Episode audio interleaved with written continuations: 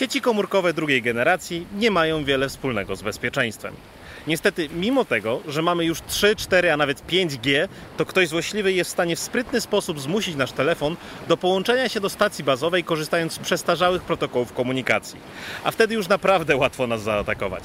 Oczywiście we własnych telefonach możemy już od jakiegoś czasu wyłączyć łączność drugiej generacji, ale Google postanowiło pomóc rozwiązać ten problem także na poziomie korporacyjnym.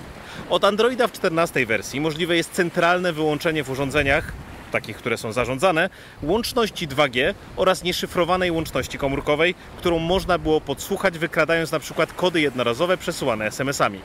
Jednak co równie istotne, wszystkie te dodatkowe zabezpieczenia tymczasowo wyłączą się, jeżeli będziemy potrzebowali wykonać połączenie z numerem ratunkowym. Sprytnie. A z innych moich filmów wiecie już dlaczego,